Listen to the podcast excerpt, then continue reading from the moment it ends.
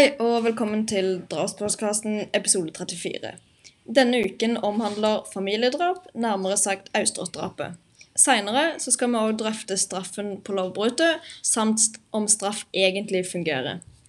Austrått-drapet omhandler da en datid 28-åring som drepte sin far. Og med meg i dag så har jeg advokat Vegard Bråstein. Hei, hei. Takk for at jeg fikk komme. Du var forsvarer for han som drepte far sin, ikke sant? Ja, det stemmer det. Det var meg. Eh, hvis vi skrur tiden litt tilbake, hva var det som utspilte seg den natten?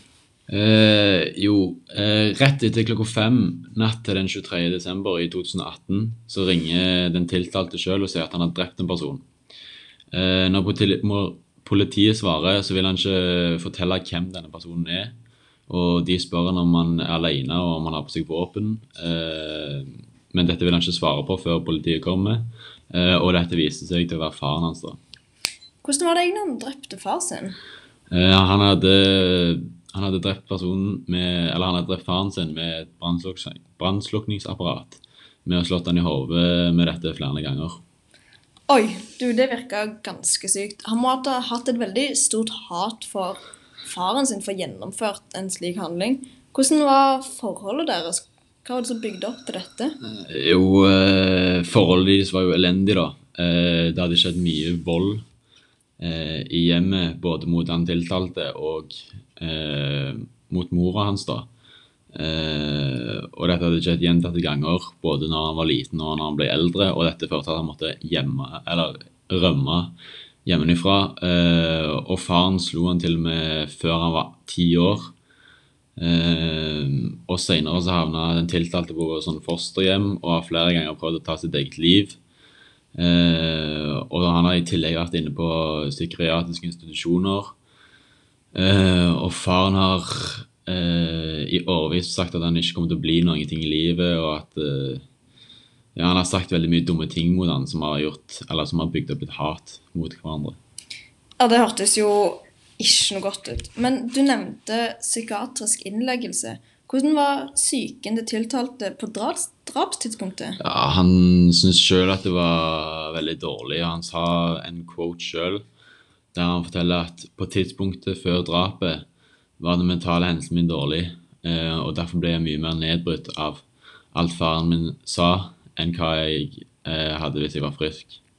Ja, dette hørtes jo ikke noe godt ut.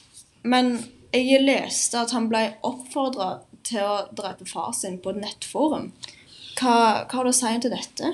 Ja, det stemmer det. Han har vært på nettet, og den 17. desember så skrev han på nettsiden, nettsiden 4chan at, eh, at han hadde en julepresang eh, som de ikke ville gå glipp av eh, klokka tre natt til 23. desember. Eh, og den, på den drapsnatten hadde han blitt oppfordra flere ganger.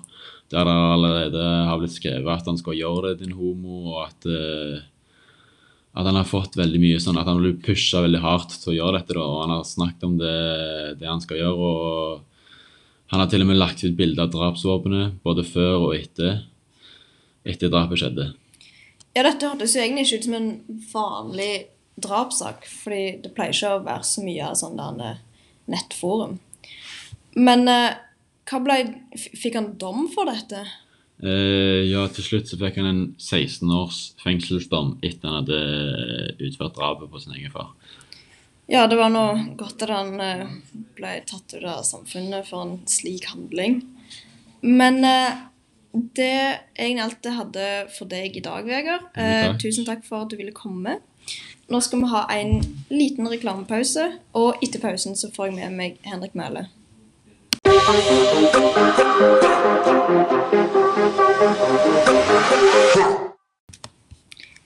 og velkommen tilbake. Og velkommen til deg, Henrik. Jo, takk. Du hørte vel på, så hva syns du om saken? Nei, Jeg syns jo det er en ganske brutal måte å ta livet på noen på. Eh, med å slå noen i brannslukningsapparatet. Jeg hadde i hvert fall aldri klart å gjøre det mot min egen far. Og sett da han blir slått eh, til han først blir bevisstløs og så livløs. Det, jeg hadde aldri sett for meg at jeg hadde klart det. Ja, det kan jeg si meg helt enig i. Jeg heller hadde aldri klart å gjennomføre noe slikt på noe som helst, egentlig. Men har du gjort deg noen tanker på hvorfor du tror han gjorde dette? Ja, altså han har jo fortalt seg sjøl, og han har jo han har jo bygga et hat og et sinne mot eh, faren sin, da. Eh, og dette endte til slutt med drap. Eh, jeg skal jo ikke akkurat rettferdiggjøre dette her, eh, men jeg kan se hvorfor eh, han gjorde det han gjorde med å, med å drepe sin egen far. da. Men jeg ser ikke at det er en utvei. Selv om han forteller sjøl at eh, han så bare én utvei, og det var enten å drepe seg sjøl eller å drepe faren. Ja, jeg, fordi jeg òg mener jo det at når du blir psykisk og fysisk mishandla over flere år, som han sa han ble, så kan jeg òg forstå hvorfor han gjorde det han gjorde. Men jeg heller skal ikke rettferdiggjøre det. Men på den annen side så tror jeg ikke han her er født ond, men jeg tror at det er resultatet av en liksom oppveksten hans og med flere psykiske plager, sånn som at han har alvorlige depresjoner. At en som en følge av dette har blitt drevet til å inngå dette drapet, da. Uh, men hva tenker du om straffeutmålingen? Ja, som du sier, så har jo barndommen og alt det en, eh, en veldig stor påvirkning på hvordan du blir. Og du, det er jo et godt poeng at han ikke er født ond, men at det er oppveksten som har gjort han. Eh, og eh, ja, som du spurte om, så sa jo Vegard at han fikk 16 år. Eh, og jeg tenker at dette er egentlig en passe straff med tanke på omstendighetene. Men tror du det har vært noen formidlende eller skjerpende omstendigheter? Jeg tenker egentlig mest at det er skjerpende, fordi at uansett hvor mye hat og sinne du har bygd opp mot faren din i løpet av barndommen, så ser jeg i hvert fall andre utveier enn å drepe sin egen far eller å drepe seg sjøl. Eller drepe seg sjøl, da. Eh, jeg ser på sånn psykisk og eh, sånn for bedre helse og gå til sånn institusjoner og sånn. Jeg føler det i hvert fall hadde hjulpet meg bedre, istedenfor å bare sitte med alt, alle tankene og alt sjøl.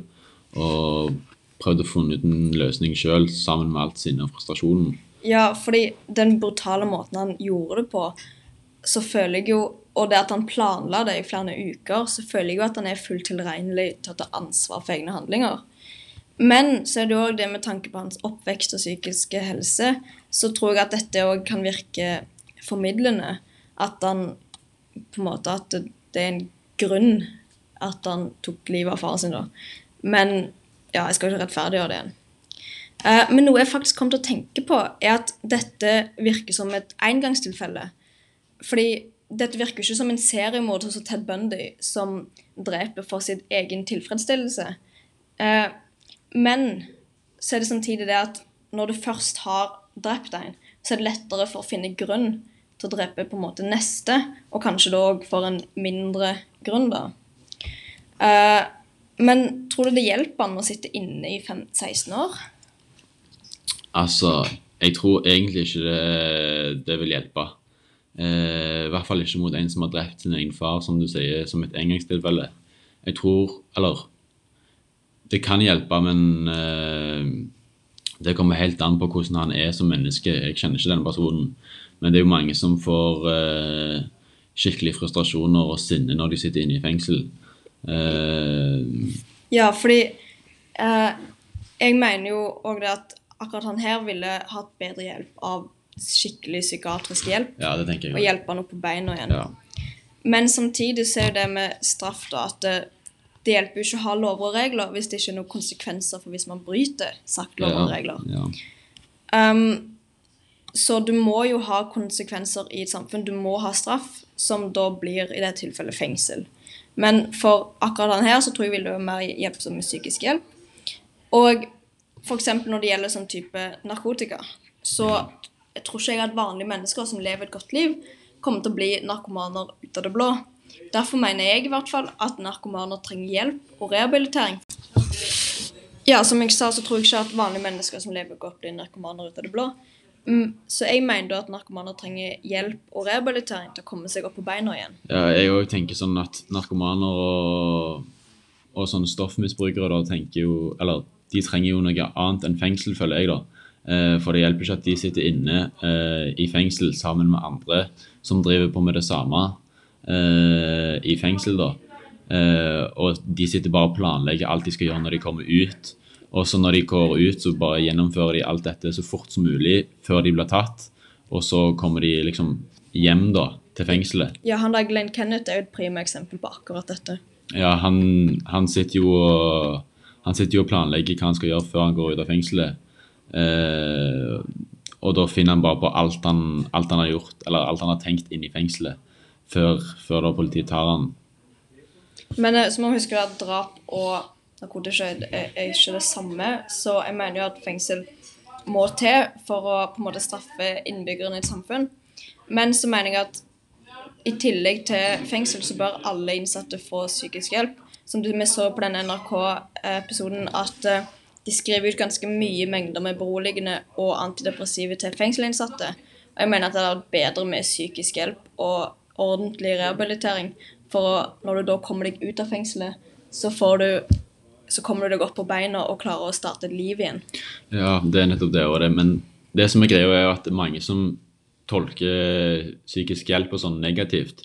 Det er mange som bare blir frustrerte når de prøver å få hjelp, men det egentlig nytter ikke. Så det kommer jo egentlig opp til person til person. Det er derfor dette er ganske vanskelig, og derfor det er egentlig et lite problem i samfunnet. Men jeg tenker sånn, folk som driver med narkotika og sånn, har i hvert fall ikke godt av å sitte i fengsel, for de sitter bare og pirrer seg opp til når de kommer ut. Men f.eks. folk som driver et sånt drap, sånn som han her gjorde, han tiltalte i saken, eh, de har mer godt av å sitte inne, føler jeg, da, fordi de sitter og tenker sånn Ja, nå har jeg drept min egen far. Tenker på alt som har skjedd, uavhengig av hva som har skjedd i barndommen og alt dette her. Eh, så jeg føler de som gjør f.eks. et drap, et engangstilfelle, har mer godt av å sitte inne enn folk som er narkotikamisbrukere og sånn som det. Ja, det er jeg fullt enig i. Eh, så tenker jeg da at for å konkludere så vil vi si at uh, vi trenger straff i et samfunn Uh, for å både ta vare på innbyggere og for å straffe innbyggere som bryter lovverket. Men at det burde bli lagt mer ressurser inn i rehabiliteringen til fengselinnsatte, og spesielt narkomaner. Ja, og vi konkluderer òg med at den 16-årsvarige straffen er en passe straff da, til, til den tiltalte. Ja, fordi måten han, drep, måten han planla det og drepte på, er ganske drøy. Men det ser ut som et engangstilfelle fra vår vinkel. Ja, og at barndommen har et påvirkning på dette. Eh, tusen takk for at dere hørte på Drapspodkasten, og velkommen tilbake neste uke.